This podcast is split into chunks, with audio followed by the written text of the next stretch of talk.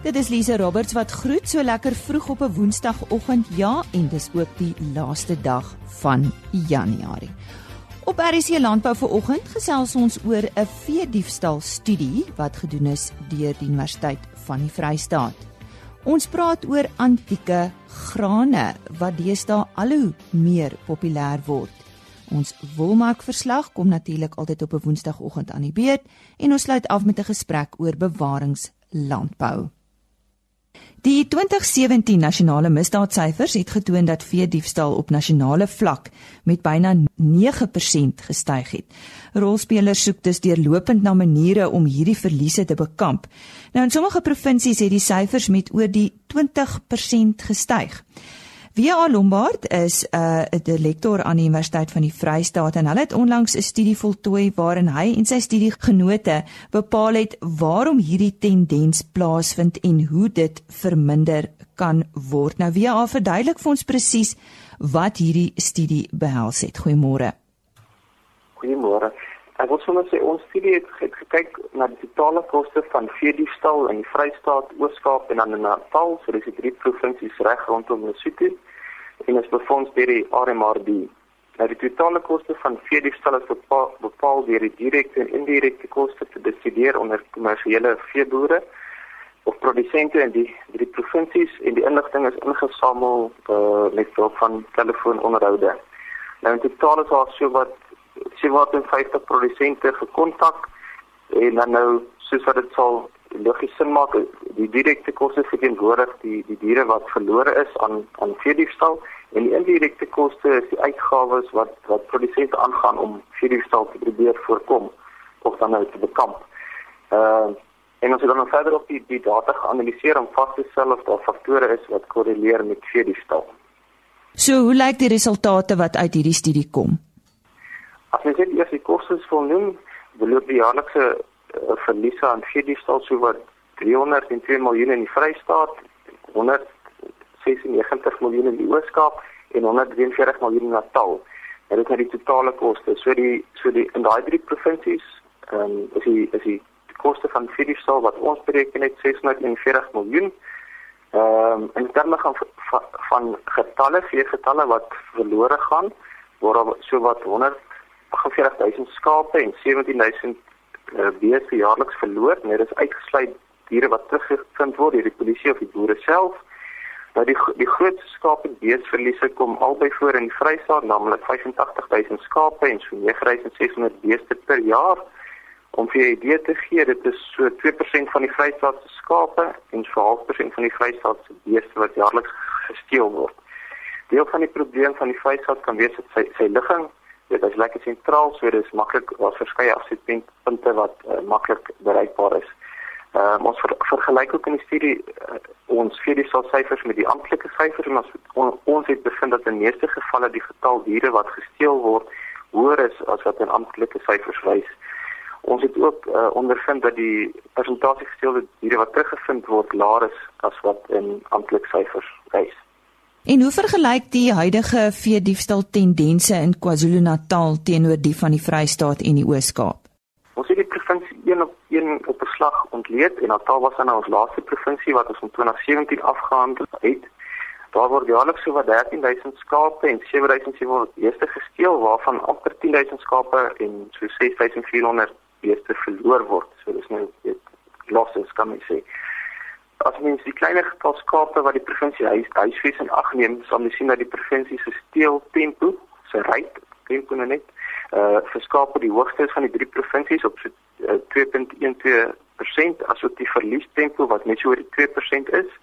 Uh dit wil vir ons ook voorkom of produsente Natal meer drastiese stappe neem om hierdie sal te voorkom met verskeie produsente wat vir ons aangedui het dat hulle gewapende wagtyd wat die vee oppas en en hulle is 24 ure by die in by die vee skape en beeste. Sjoe. Maar nou ja, dit sal goed wees as ons dalk op 'n positiewe noot kan eindig. Is daar enige positiewe punte wat ons uit hierdie studie kan neem? Ek dink as 'n paar ehm um, ek dink die feit dat die beestiefstalle in die Oos-Kaap en Natal laer is in in, in ons studie as wat amptelike syfers wys, um, kan is aanduiding dat die kommersiële produsente suksesvol daarin is om om beestiefstalle te verminder uh al kan mens nie self sê vir skaap die stalle nie Uh, mens sal ook dan net met kennis neem dat dit beteken dat opkomende boere baie erger bees uh, verliese ervaar en hulle sal ondersteuning uh, moet kry met die met die saak. En dan in, in provinsies, in sommige van die provinsies is daar gevind dat polisie patrollies gelei het tot minder vredestal insidente en dan 'n boere wat meer gereeld tel is ook uh, minder geneig om slagoffers te wees van veediewe. Ehm uh, dan laastens wil ek asseblief baie dankie sê vir al die produsente wat ons gehelp het om die data aan te samel, die tyd wat hulle opgeoffer het. En ons sê baie dankie aan Via Lombard, hy is 'n lektor aan Universiteit van die Vrystaat. Grane soos koring, mielies, haver en rys mag dalk die bekendste grane ter wêreld wees, maar antieke grane is, is besig om al hoe meer gewild te raak. Nou ons praat hier van antieke grane soos quinoa, giers, spelt en bokwiet wat al hoe meer verkrygbaar in ons supermarkte en spesialiteitswinkels is.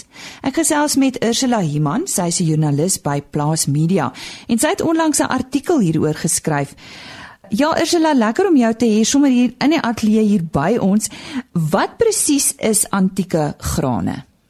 Antieke grane verwys na 'n groep grane wat nog nie baie meer gekruisteel is soos vandag se moderne koring en mielies is die produk van honderde jare se kruisteel om die beste kultivar te produseer. Maar antieke grane is baie meer naby aan die hoe die oorspronklike gewas was eeue terug. Ehm um, dit sluit ook 'n groep uh, pseudograne in wat nie regte grane is nie. Hulle is nie familie van die gras nie, grasfamilie nie maar hulle word gebruik soos 'n graan vir hulle hoë koolhidrate en, en soos 'n rys. Jy kan dit maak soos 'n pap. Jy kan 'n brood bak daarvan. So dis soort gelyk al is dit nie 'n graan nie. Baie antieke grane is ook glutenvry.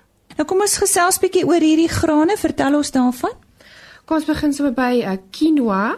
Dis 'n pseudograan van Suid-Amerika. Dis waar die snaakse naam vandaan kom. Dit kom van 'n inheemse Indiaanse taal in Suid-Amerika. Quinoa het onlangs baie bekend geword. Dis 'n superkos hoog in proteïene, vesel, minerale en omega-olies. Hy's glutenvry. Jy kook hom soos 'n rys. Hy lyk soos couscous of sagu.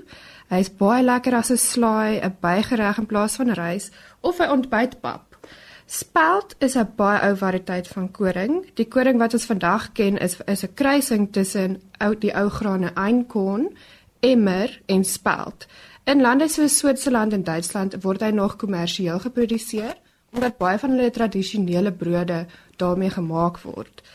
Bokwiet word gekweek vir sy graanagtige sade en is 'n pseudograan wat gebruik word soos rys. Dit is 'n glutenvry en familie van die rhubarber eerder as die grasfamilie. Die produksie van die gewas het in die 20ste eeu gedaal omdat nuwe bemessing tegnologie opbrengste vir grane soos koring en mielies verhoog het en ons dus nie ander grane nodig gehad het nie. En vir ons luisteraars moet ons dalk net sê die bekende naam buckwheat is nou juist die bokwiet waarna Ursula verwys. Hoekom raak dit juist nou so populêr Ursula? Mense word al hoe meer gesondheidsbewus en hulle soek grane wat nie gekruistel is nie, wat GMO-vry is. Hulle soek ook glutenvrye grane dis ook hulle is bewus van al die uh, nutriënte in superkosse wat meer is as wat ons koring deesdae oor het of ons mielies en ehm um, tegnologie het verbeter vir glutenvrye kos. Dis lekkerder om te eet, dis makliker om te maak. Dit is in pastas, dis in brode, dis in soetkoekies en suidkoekies. Dis nie meer in die ou dae net 'n grane vervelige ding nie. So dit het ook bygedra tot sy populariteit. Hmm. Nou ons moet natuurlik ook na die uh die die waarde daarvan kyk, hoeveel is die marksegment regtig werd? As jy kyk na die glutenvrye marksegment waarvan hierdie deel is en ook die GMO-vrye, is dit ehm um, so wat 1,6 miljard dollar werd gewees in 2011. Teen 2016 was dit reeds 3.5 miljard dollar. So dis 42 miljard rand werd, net die glutenvrye segment alleen. Hmm. En en hoe beïnvloed dit dan die produksie van koring byvoorbeeld? In die Verenigde State van Amerika het dit koringverbruik wel verlaag met sowat 16 kg per capita vanaf 1997 tot 2015. Ehm uh, maar dit is as gevolg van die eettendense gebeur dit. Dit het met die Atkins dieet ook gebeur en nou het almal banting en glutenvry. In Suid-Afrika sien ons egter nie die tendens nie. Die koring produksie wat daal is eerder as gevolg van die winsgewendheid van koring wat laer is en ehm um, ook die onlangse droogte in die Wes-Kaap. Nou ja, ons het nou nog gepraat van die FSA, maar kom ons kom terug huis toe. Uh, watter tendense word spesifiek in Suid-Afrika waargeneem? Dis onindrukwekkend om te sien as jy in enige supermark instap, sien jy jy sien gier, jy sien gort, jy sien uh, quinoa, jy sien bokwiet en dis nou wel op die oomblik maar nog 'n nismark in Suid-Afrika, veral vir die die hoër LM uh, verbruikersgroepe. En ongelukkig sien ons nou ook nie dat sorghum wat ook 'n antieke graan, ons sien nie dat die verbruik of produksie in Suid-Afrika meer word nie, maar daar is wel potensiaal. Op die oomblik is dit maar vir die die hoër klasse en dit is ook 'n uh, geriefskosse wat maklik is. Dis in brode, dis in koekies, dis iets wat jy vinnig kan gryp op op pad iewers heen. En dit was 'n interessante gesprek oor antieke grane en ek het gesels met Ursula Himan. Sy is 'n joernalis by Plaas Media en sy het onlangs 'n artikel hieroor geskryf. Dis nou tyd vir ons weeklikse wolmarkverslag aangebied deur Jolandi Root. Die wolmark het die week heelwat laer verhandel en die Cape Wool Merino aanwyser daal met 3,3% en 627 punte. Die mark het gesluit teen 'n waarde van R185.56 per kilogram vir skoonwol. Die Australiese EMA het met 4,0% afgeneem. Die Cape Wool alle wol aanwyser daal met 3,5%. Die afname van 3,3% in die wolmark die week sluit ook 'n 1,5% daling gemeet in dollar terme. Pryse het effens teruggesak oor al die woltipes. Ten spyte van die goeie marktoestande en die heersende vraag na goeie lang gehalte en fynwol. Kopers het ook al kommer uitgespreek oor die toenemende skaarste aan wol met kleiner aanbiedings wat verwag word as gevolg van die droogte. Die kompetisie tussen die kopers was goed en Standard Wool het die meeste bale teen die verlaagde markvlakke gekoop. Altesaam 97,2% van die 9362 bale wat wel op die veiling aangebied was, is verkoop. Die grootste kopers op die veiling was Standard Wool SA met 2402 bale, dan volg Lempreer SA met 1993 bale, Moriano met 1837 bale en Tianyu SA met 1587 bale. Die gemiddelde skoonwolpryse vir die seleksie binne die verskillende mikron kategorieë goeie langkamwoltipes was soos volg: 18,0 mikron daal met 3,7% en sluit teen R224,92 per kilogram.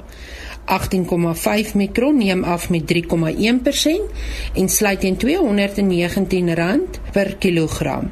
19 mikron verlaag met 3,1% en sluit teen R205,83 per kilogram. 19,5 mikron verswak met 3,9% en sluit teen R194,42 per kilogram. 20 mikron is 3,5% af en sluit op R184,19 per kilogram. 20,5 mikron is 3,8% swakker en sluit op R175,93 per kilogram. 21,0 mikron verlangsaam met 3,7% en sluit op R170,19 per kilogram. 21,5 mikron het 2,1% afgeneem en sluit op R165,49 per kilogram. 22 mikron daal met 1,2% en sluit op R165,79 per kilogram. En 22,5 mikron is 1,5% swakker en sluit op R160,78 per kilogram. Die volgende veiling vind plaas op 31 Januarie wanneer plus minus 6072 bale aangebied sal word. Die stem daarvan Jolandi Rood met ons wolmark verslag en volgende week maak sy weer so. Wat aanvanklik begin het as 'n beweging van 'n klein groepie graanboere in hoofsaaklik KwaZulu-Natal wat bekommerd geraak het oor die effek van 'n ploeëry op die grond, en toe die sogenaamde geen bewerkingsklap gestig het, is nou besig om momentum te kry soos al hoe meer boere die waarde van 'n holistiese benadering rondom akkerbou besef. Nou dit gaan lank nie meer slegs oor daaroor dat mense nie wil ploeg nie. Vandag is die opbou van koolstofvlakke in die grond die sentrale mikpunt. Dr Hendrik Smit is 'n bewaringslandbou fasiliteerder by Graan SA en ek gesels nou met hom oor bewaringslandbou en die vordering wat gemaak word in die optimalisering van volhoubare graanverbouing. Nou Hendrik, dink jy dis korrek om te sê dat die nuwe benadering tot akkerbou eintlik 'n paradigma skuif verteenwoordig? Ja, Lisa, ek dink beslis so. Ja, want dit ver van boere om nie te dink oor oor hulle akkerbou-praktyke veral die impak wat dit het op die omgewing en ook um, hoe mense dit doel, meer doeltreffend kan maak en wat ook ons uh, na ons uh, hou vir die nageslag. So dit beteken ons sal moet nie dink ons moet uh, nuwe kennis in inwin asook uh, nuwe vaardighede en ook nuwe praktyke implementeer. En daarvoor het ons beslis 'n paradigma skuif nodig. En hoe meer 'n mens hierdie goeters doen, nuwe kennisvaardighede, uh hoe meer sal 'n mens verstaan hoe en hoe vinniger en makliker hierdie paradigma skuif sal gebeur. Waaroor gaan bewaringslandbou regtig? Die eintlike ding is om nader aan die natuur te boer. Uh en daar is baie voordele in vir die omgewing en vir die boer. Ehm um, baie mense weet natuurlik ook dat die huidige praktyke ehm um, akkerbou en landboupraktyke eintlik baie negatief is oor die algemeen op uh, vir die omgewing. Ek dink maar net aan die grondagteruitgang, verlies van biodiversiteit, waterbesoedeling en dan ook die in, invloed wat ons het op uh uh klimaatsverandering. En bewaringslandbou kan eintlik al hierdie probleme baie goed aanspreek. Dit lê in die boer se hande en onder sy voete in die grond. Dit is natuurlik baie voordelig vir die boer uh hy boer baie meer winsgewend, baie meer doeltreffend en op die ou end baie meer volhoubaar. Ehm um, so om nader aan die natuur te boer, het, is dit makliker om dit uh op te breek in 'n paar beginsels of praktyke. En uh dit is die volgende, die eerste een is minimale grondversteuring.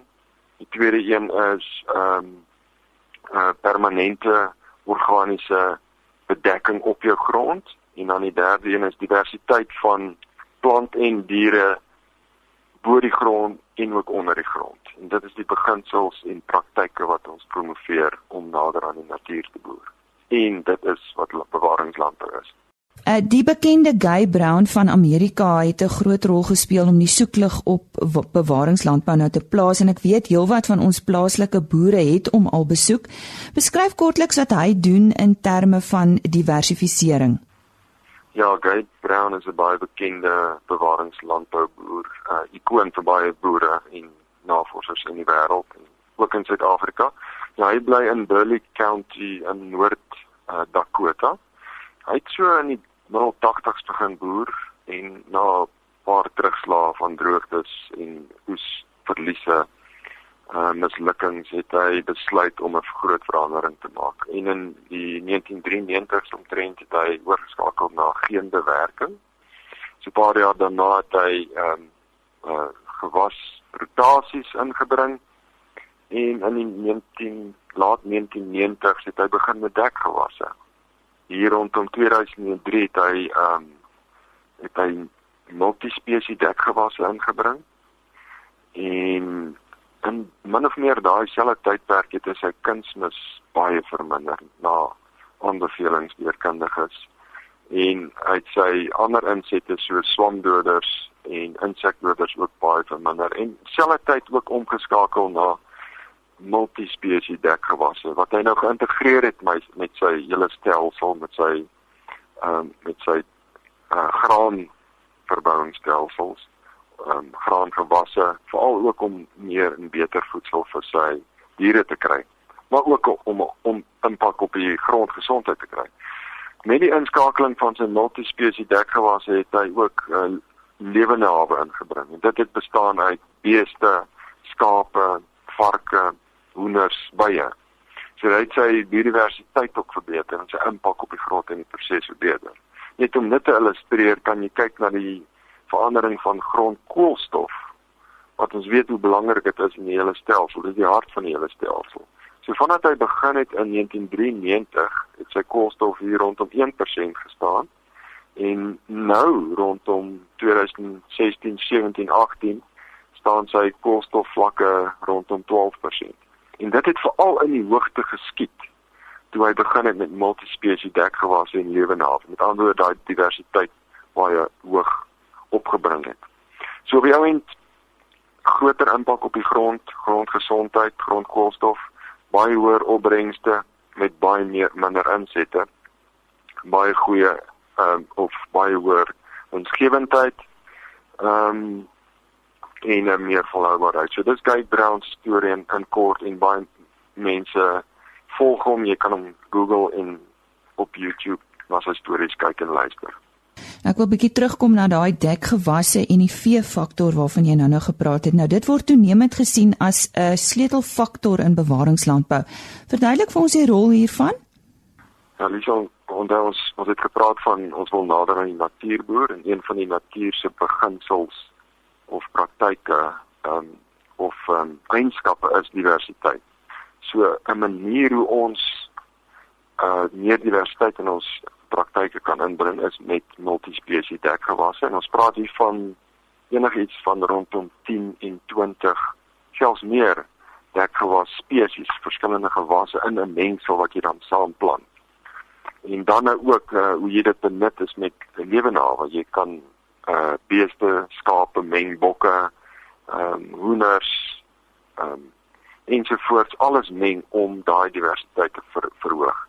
Nou die die die rede hoekom ons dit doen is om net daai groter en vinniger impak op die grond te met ander woorde die meer spesies plantspesies hoe beter oes jy die sonenergie wat dan nou vrygestel word as koolstof in die grond uit die wortels uit wat dan nou hierdie voedselwet mikrobiese voedselwet in die grond voed en dit bou koolstof vinniger dit bou 'n grondvrugbaarheid, grondstruktuur, waterhou en al daai goeders, daai funksies en dienste van die grond verbeter baie beter en baie vinniger.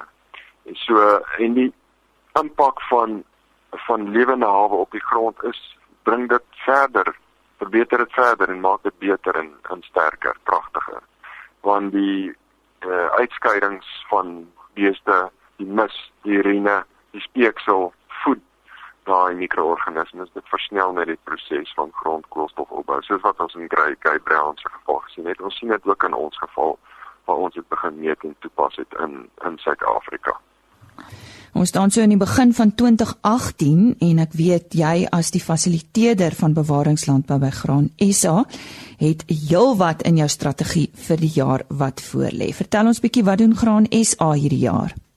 Ja, Lisa, die beginsel wat ons op uh, ons hele bewaringslandbou program baseer is eintlik ook maar op hierdie beginsel van 'n Guy Brown ons ons eie Guy Browns tipe boere in Suid-Afrika. Ons identifiseer hulle ook die groepe boere waarmee hulle werk. Ehm um, studiegroepe nou tot klapskemerwerking studiegroepe ensovoorts wat ons dan nou mee saamwerk. En ons bou projekte ons bou navorsings uh, uh proewe rondom hierdie boere in verskillende streke soos Noordwes Vrystaat uh groot en klein boere.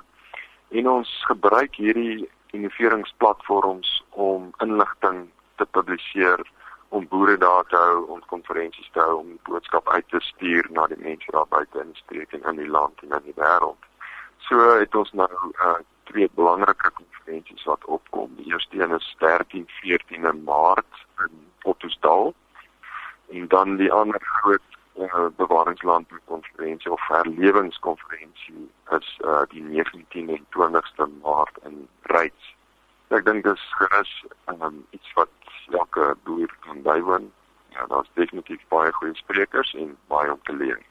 Goed, uh, julle uh, program of kontakbesonderhede is seker maar alles op julle webtuiste, dis maar waar uh, die inligting beskikbaar is. Ja, Lisa, ek dink uh, enigiemand wat belangstel kan gerus ons webtuiste gaan en selfs se webtuiste uh, gaan besoek. Ons het 'n nuwe ehm um, tuiste net spesifiek vir bewaringslandbou daar ges ehm um, ontwikkel wat al ons projekte, ons verslae, klomp video's, uh, klomp kontak ehm um, en skakels uh, rondom hierdie onderwerp uh, beskikbaar maak. So gaan besoek gerus ons webtuiste en leer verder oor bewaringslandbou. En net om vir ons luisteraars te sê, dit is natuurlik www.grainsa.co.za en ek het daar gesels met Dr. Hendrik Smit.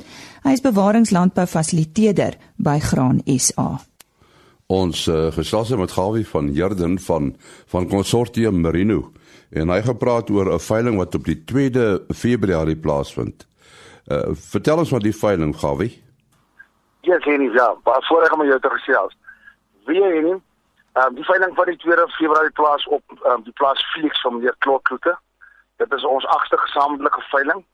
Ehm um, wat my opgewonde maak oor ons dit was 'n area in in Ooskaap, daai Barkley Oos, die Lady Grey Elliot Dordrecht area waar dit moeilik vir ons was om in te kom en daar was baie vooroordeele. En die geleentheid dat meneer Klokkloete ons gee om saam met hom in 'n in 'n joint venture in te gaan en gesamentlik veiling te hou. Is konsortium eintlik besig om alle om al hy die vooroordeele uit die weg te ruim want mense kom agter my skaap raak nou groter my skaap raak meer my vrugbaarheid gaan op my wol raak langer my wol raak skoner. En dit is 'n ekonomiese impak. So die ramme wat op die 2 Februarie hulle aangebied word is aangepas in daai area. Hulle kom uit 'n groep uit van tussen 4 en 500 wat getoets is. 120 ramme staan op die veiling waarvan 30 poenskoppe is. So dit is ons is baie opgewonde om om in die Ooskaap nou regtig begin amper die deurbrake te begin maak en eintlik en eintlik die kliëntebasis nou dramaties te begin groei. En wil wil as die mense nooit van die ooskap veral as jy wil aangepaste ramme wat regtig 'n impak gaan maak op jou kudde, sal dit 'n baie goeie ding wees om ons veiling die 2 Februarie op die plaas Felix um, by te woon. Goed gawe is daar 'n telefoonnommer wat mense kan skakel as hulle meer inligting wil hê. Ehm um, enige baie welkom. My telefoonnommer is 082 321 3233 en ek gee hom weer klokkoete se file dis sy nommer ook. Sy nommer is 082 296 1805 Gaan we net weer jou nommer? Is 082 321 3233 Ons sê baie dankie aan Gawie van Herden wat gesels het oor uh, die veiling op die plaas Felix daar in die Dordrecht omgewing vind op die 2de Februarie plaas. Nou eers nuus oor weervooruitsigte. 'n Senior navorser by die WNR, Dr. Johan Malherbe, sê in 'n verslag dat produsente in Suid-Afrika se somerreënvalgebiede na positiewe weer en reënvaltoestande kan uitsien. Hy meen egter die voortsleepende droogte in die suidwestelike winterreënvalstreke behoort nie hierdie somer gebreek te word nie. Hierdie produsente sal volgens hom moet wag vir die komende winter wat moontlik reënval betref. Dr Malherbe het ook in hierdie verslag melding gemaak van die plantegroei aktiwiteit oor die suidwestelike dele van die land. Hy meen hierdie dele, insluitend die hele winterreënvalstreek, is volgens navorsing die laaste paar maande onder druk. In teenstelling hiermee word bo normale kumulatiewe plantegroei oor baie van die noordelike en oostelike dele van die land verwag. Die bedryfshoof van Laveld Agrochem, Neil Rust, het hierby aangesluit Hy meen die 5de produksieskatting van die oeskattingskomitee is slegte nuus vir koringprodusente, aangesien 'n beduidende kleiner oes vir die komende seisoen aangedui word. Rust sê Wes-Kaapse koringprodusente kan nie winsgewende koring produseer teen hierdie opbrengs per hektaar vlakke nie. Dit plaas groot druk op produsente en finansierders vir die komende plantseisoen wat in April en Mei plaasvind. Dan het die hidrologiese dienste van Namibië se ministerie van landbou, water en bosbou bekend gemaak dat goeie reën op 20 en 21 Januarie oor Noord, Sentraal en Oos-Namibië geval het. Goeie reënval is ook ontvang in die opvangsgebiede van die Kuneni, Okavango en Zambesi rivier in Angola. Die Zambesi rivier by Katimomulilo bly styg en is 22 cm hoër as 'n week gelede.